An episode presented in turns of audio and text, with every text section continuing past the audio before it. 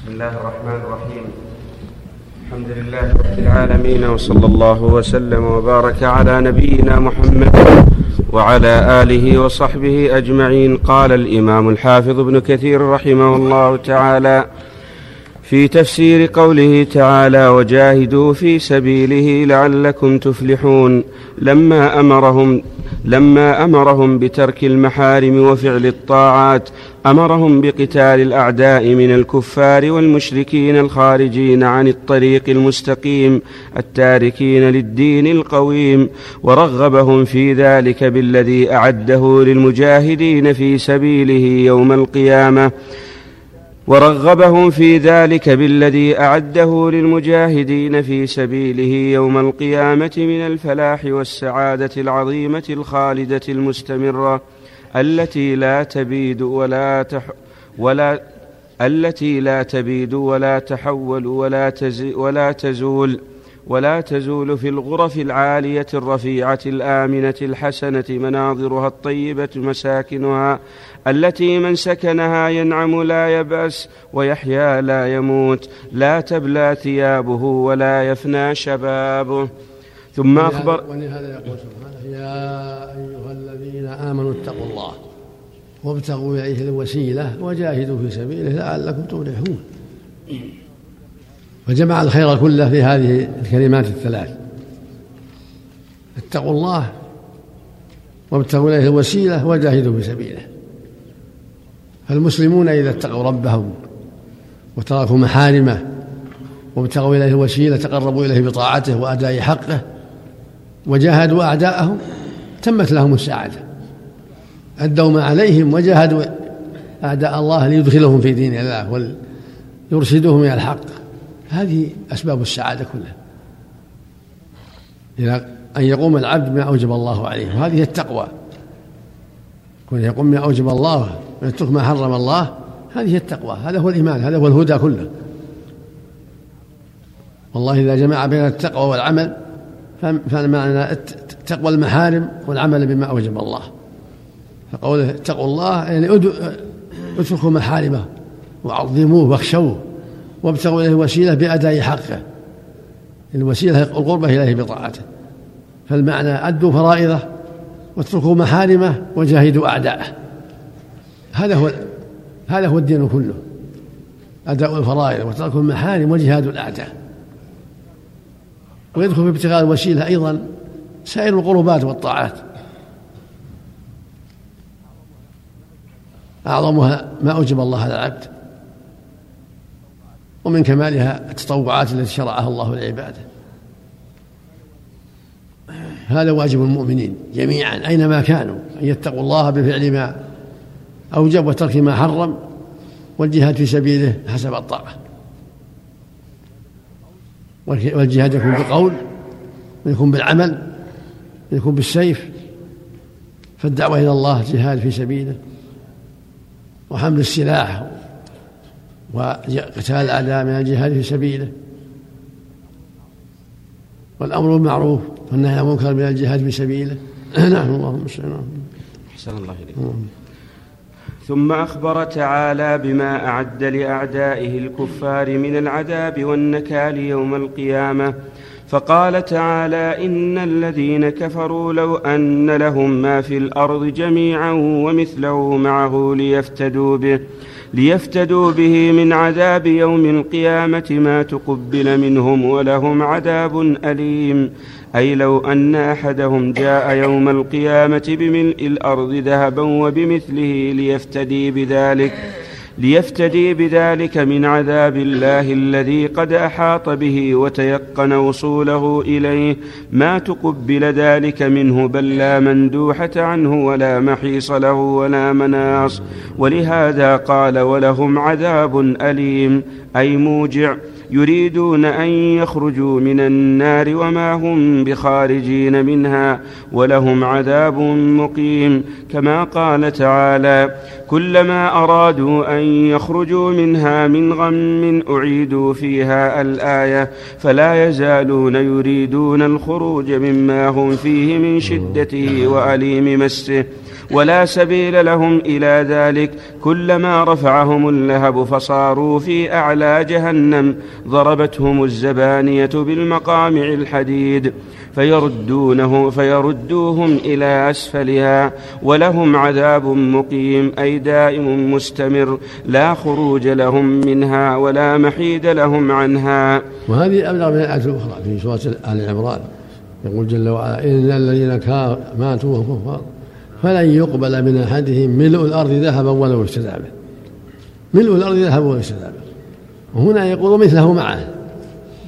زيادة لو كان لهم ما في الدنيا ومثله معه لم يقبل منهم.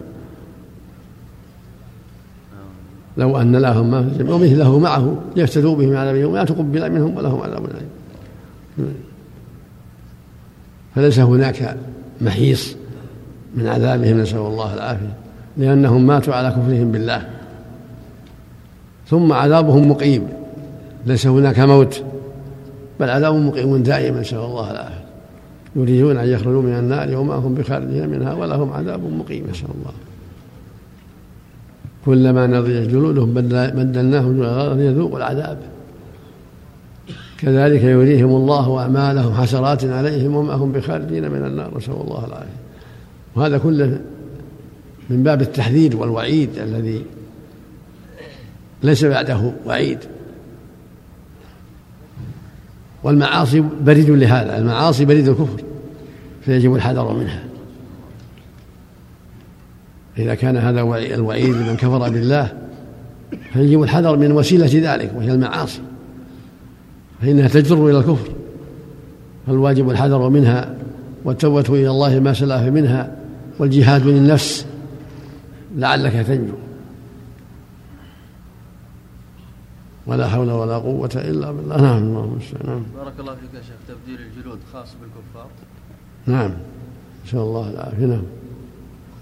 أحسن الله إليك. وقد قال حماد بن سلمة عن ثابت عن أنس بن مالك رضي الله عنه قال قال رسول الله صلى الله عليه وسلم يخرجون من النار إلى دار الحياة ينبتون كما تنبت الحبة في حامل السيل إذا, إذا تم ما أعد الله لهم من العذاب يخرجون من النار إلى نهر يقال نهر الحياة. فيقال فينبتون فيه كما تنبت الحبة في حامل السيل. فإذا تم خلقهم أدخلهم الله الجنة. الله. نعم. اللهم أحسن الله إليك. وقد قال حماد بن سلم عن ثابت عن أنس بن مالك رضي الله عنه قال قال رسول الله صلى الله عليه وسلم يؤتى بالرجل من أهل النار فيقول يا ابن فيقول يا ابن آدم كيف وجدت مضجعك فيقول فيقول شر مضجع. وقد قال حماد بن سلمة عن ثابت عن أنس بن مالك رضي الله عنه قال قال رسول الله صلى الله عليه وسلم يؤتى بالرجل من أهل النار فيقول يا ابن آدم كيف وجدت مضجعك؟ فيقول ولا فيقال. صلح عندك فيقال يعني فيقال له.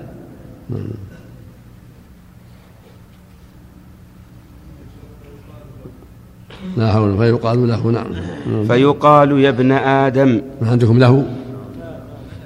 فيقال له نعم. اللهم أحسن الله. العافية فيقال له يا ابن آدم كيف وجدت مضجعك فيقول شر مضجع فيقول هل تفتدي ب هل نعم. فيقول هل تفتدي فيقال, فيقال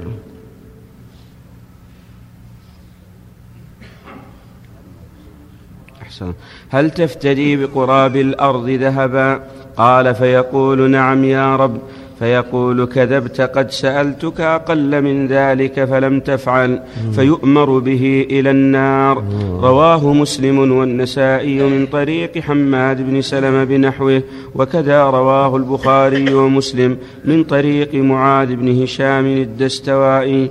عن أبيه عن قتادة عن أنس به وكذا أخرجاه من طريق أبي عمران الجوني واسمه عبد الملك بن حبيب عن أنس بن مالك رضي الله عنه به ورواه مطر الوراق عن أنس بن مالك ورواه ابن مردويه من طريقه عنه ثم رواه ابن مردويه من طريق المسعودي عن يزيد بن صهيب الفقير عن جابر بن عبد الله أن رسول الله صلى الله عليه وسلم ثم رواه ثم رواه ابن مردويه من طريق المسعودي عن يزيد بن صهيب الفقير نعم.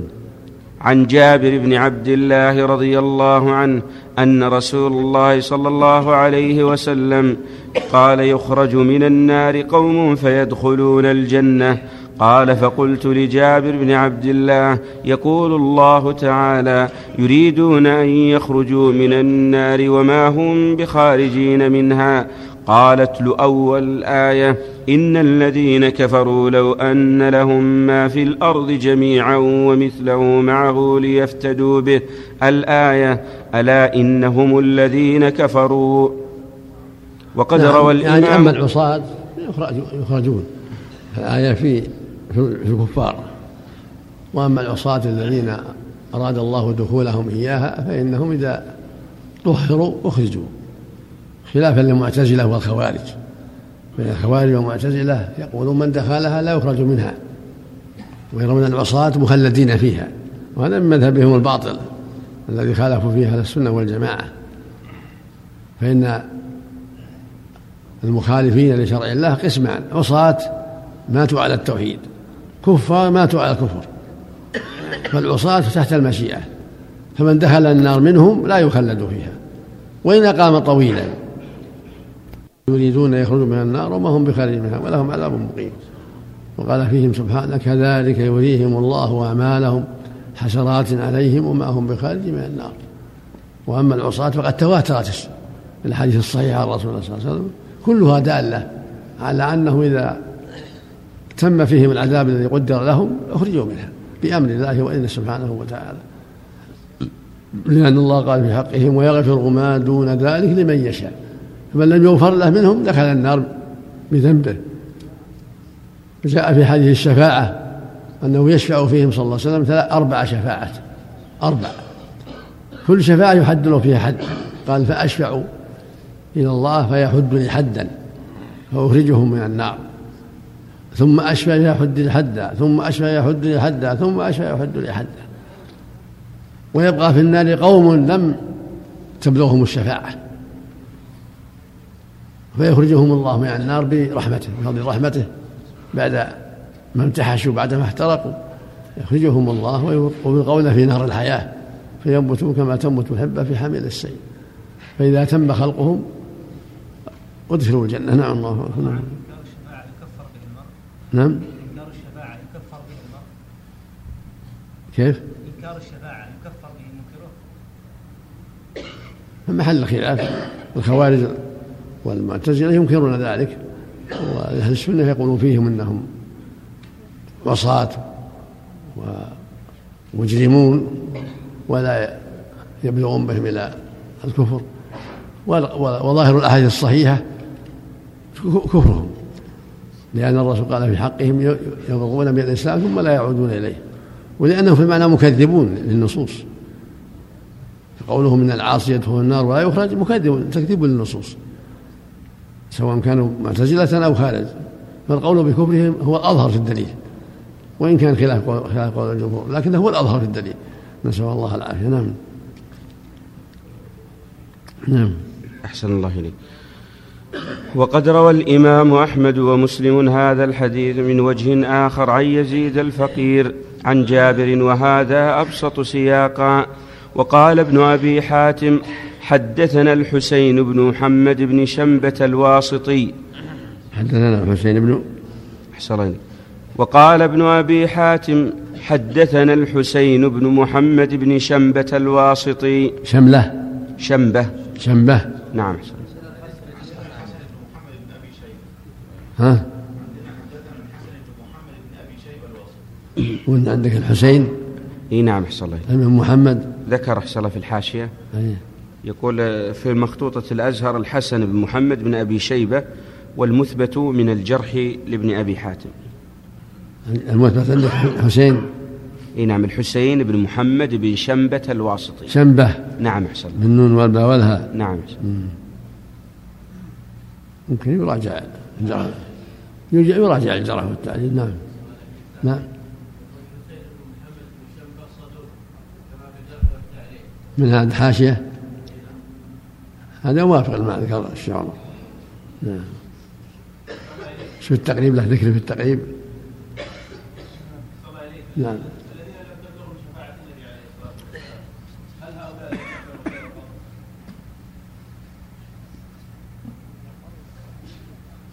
اللي يظهر ان شفاعة ما تعم ما تعم العصاة كلهم. يشفع غير النبي صلى الله عليه وسلم. يشفع المؤمنون يشفع الملائكة يشفع الصالحون يشفع الأفراد ويبقى بقية. في الحديث الصحيح يبقى بقية في النار منهم أيضا. يخرجهم الله بغير شفاعة سبحانه وتعالى. نعم؟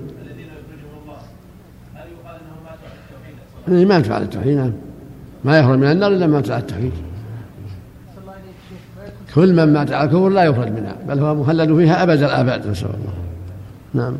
لا يدخل فيه تارك الصلاة يا شيخ؟ يفعلوا خيرا قط تارك الصلاة قد حبط عمله. الكافر حبط عمله. لو كان يصلي ويصوم ويصدق ويفعل كل خير ولكنه يعبد غير الله يبقى له حسنة. ولا تحبط أعماله. تحبط ولو أشركوا. حبط عنه نعم. ولو أشركوا لحبط عنهم ما كانوا يعملون. وقدمنا إلى ما عملوا من عمل فجعلناه هباء منثورا. كذلك يريهم الله أعمالهم حسرات عليهم وهم بخير إذا قلنا بكفره بطلت أعماله. أما من قال إن تارك الصلاة لا يكفر بالكفر الأكبر إذا لم يجحدها فهذا لا تطلب أعماله كلها. لأن لأن القائل بهذا يقولون أنها كفر دون كفر. كما يقال في اثنتان في الناس وأن النياحة طعنه في النسب والنياحة على الميت كان هكذا القتل بغير حق كفر دون كفر. فهؤلاء من جملة العصاة حينئذ. فيخرجون من النار إذا دخلوها بتوحيدهم اللي ماتوا عليه. أما إذا قلنا أن مات على الكفر الكفر الأكبر إن أعماله تحبط. أعماله تحبط كلها. مثل الذي يصلي ويصوم ويسب الدين يسب الله بطلت أعماله يستهزئ بالدين بطلت أعماله يجحد وجوب الصلاة لو قال الإنسان لو صلى الإنسان وصام وزكى وفعل كل شيء لكنه يقول الصلاة ما تجب أو الزنا حلال وش يصير فيه؟ ها؟ تبطل أعماله ها؟ إذا قال الزنا حلال أو الخمر حلال أو الصلاة ما تجب أو الزكاة ما تجب. نعم. يكون مكذبا لله. مكذبا لرسوله مكذبا لإجماع المسلمين. يكون بطل حابط الأعمال. كافرا نسأل الله العافية. نعم. المقصود القاعدة القاعدة التي أجمع عليها المسلمون أن من قلنا إن إن عمله كفر أكبر فإنه يحبط العمل من من كان كفره كفرا أكبر حبط عمله. ومن كان كفره كفرا أصغر لا يحبط عمله. كالعاصي. نعم. بل يحبط من عمله ما شاء الله. نعم. الشيخ يقول اللحية ما لها دخل في الدين. نعم. يقول اللحية ما لها دخل في الدين. الرسول يقول صلى الله عليه وسلم قصوا الشوارب ووفروا اللحى أدخلها في الدين. قصوا الشوارب ووفروا اللحى فقصوا الشوارب توفروا اللحى. من من الدين. نعم. بارك الله فيك يا شيخ. قلت أن أن ما دون الكفر قد يحبط بعض عمله. ما دون يعني بعض يعني بعض ما يدل. ان بعض السيئات الكبار قد تحبط بعض العمل. كما كما قال صلى الله عليه وسلم من ترك من ترك صلاة العصر حبط عمله عند الجمهور يقول ما يكفر يحبط عمل عمل خاص مو بالعمل كله يعني. نعم. حديث حذيفه الذين لا يعرفون صلاه ولا صياما ولكن يقول اتركنا اباءنا على لا اله الا الله هذا ينظر فيه إن صح لا, لا هذا محل نظر إن صحته نعم. هذا إن صح معناه أنهم جهلوا ماتوا على التوحيد فقط. نعم. نعم. حسين بن محمد بن شنبة أي. فتح المعجمة والنون والموحدة. الواسطي أبو عبد الله البزار صدوق من الحادي عشر ابن ماجه. هذا صار من زمان. حسين محمد بن شنبة يصلح على هذا. نعم. أحسن الله إليك. أحسن. نعم. أحسن الله إليكم. في عدم تكفير تارك الصلاة يقول ابن راهويه يعني أن هذا من الإرجاء هل هذا القول صحيح؟ الشيخ اسحاق بن راهويه ذكر حكى إيماع المسلمين على كفر تارك الصلاة. اسحاق رحمه الله ممن حكى الإجماع على كفر تارك الصلاة. نعم. أحسن الله إليك. وقال ابن أبي حاتم حدثنا الحسين بن محمد بن شنبة الواسطي قال حدثنا يزيد بن هارون قال أخبرنا مبارك بن فضالة قال حدثني يزيد الفقير قال جلست إلى جابر بن عبد الله رضي الله عنه وهو يحدث فحدث أن أناسا يخرجون من النار.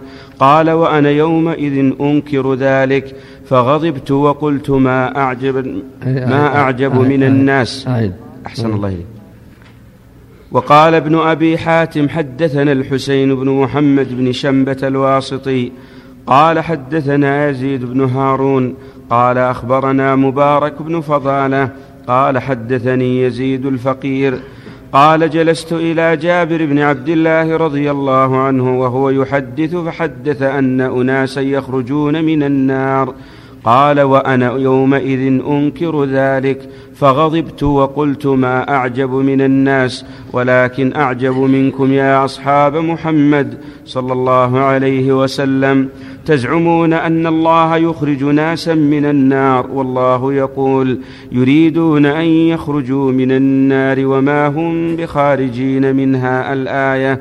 فانتهرني أصحابه وكان أحلمهم فقال دعوا الرجل إنما ذلك للكفار. إن الذين كفروا لو أن لهم ما في الأرض جميعا ومثله معه ليفتدوا به من عذاب يوم القيامة حتى بلغ ولهم عذاب مقيم. أما تقرأ القرآن؟ قلت بلى. قد جمعته. قال أليس الله يقول ومن الليل فتهجد به نافلة لك. عسى أن يبعثك ربك مقاما محمودا. فهو ذلك المقام. فإن الله يحتبس أقواما بخطاياهم في النار ما شاء الله لا يكلمهم. فإذا أراد أن يخرجهم أخرجهم. قال فلم أعد بعد ذلك إلى أن أكذب به. قال. قال. قال فلم أعد بعد ذلك إلى أن أكذب به. نعم نعم. وهذا الذي قاله يزيد هذا دين الخوارج والمعتزلة. يرون ما يخرج من النار أحد. جعلوا العصاة كالكفار. بين جابر رحمه الله وأهل السنة أن العصاة غير الكفار. العصاة يخرجون والكفار لا يخرجون. نعم. اللهم نعم. أحسن الله إليك. ثم قال ابن مردوي حدثنا دعلج بن أحمد قال حدثنا عمر بن حفص السدوسي قال حدثنا عاصم بن علي قال حدثني العباس بن الفضل قال حدثنا سعيد بن المهلب قال حدثني طلق بن حبيب قال كنت من أشد الناس تكذيبا بالشفاعة حتى لقيت جابر بن عبد الله رضي الله عنه فقرأت عليه كل آية أقدر عليها يذكر الله فيها خلود أهل النار فقال يا طلق أتراك أتراك أتراك أقرأ لكتاب الله عز وجل وأعلم بسنة رسول الله مني إن الذين قرأتهم أن الذين قرأتهم أهلها هم المشركون ولكن هؤلاء قوم أصابوا ذنوبا فعذبوا ثم أخرجوا منها ثم أهوى بيديه إلى أذنيه فقال صمتا صمتا إن لم أكن سمعت رسول الله صلى الله عليه وسلم يقول يخرجون من النار بعدما دخلوا ونحن نقرأ كما أحسن الله.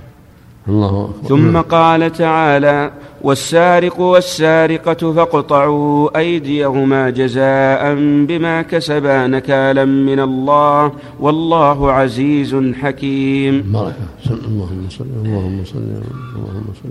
نسأل الله العافية والسلامة لا حول ولا نسأل الله العافية والسلامة لا حول ولا قوة إلا بالله.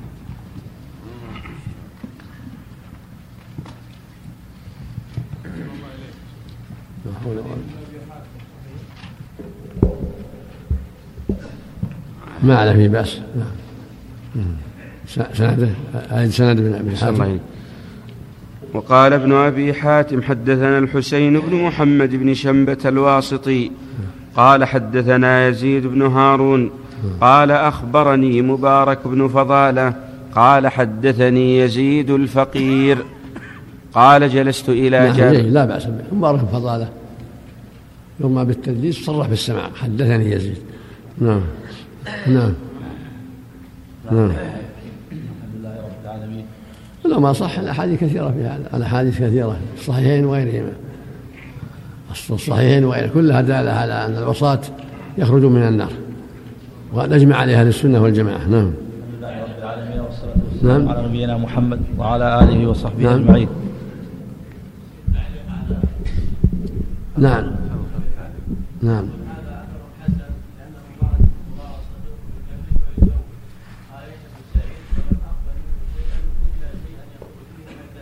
هذا صرح بالسماع أو صرح بالسماع لكن حتى لو ما وجد الحديث.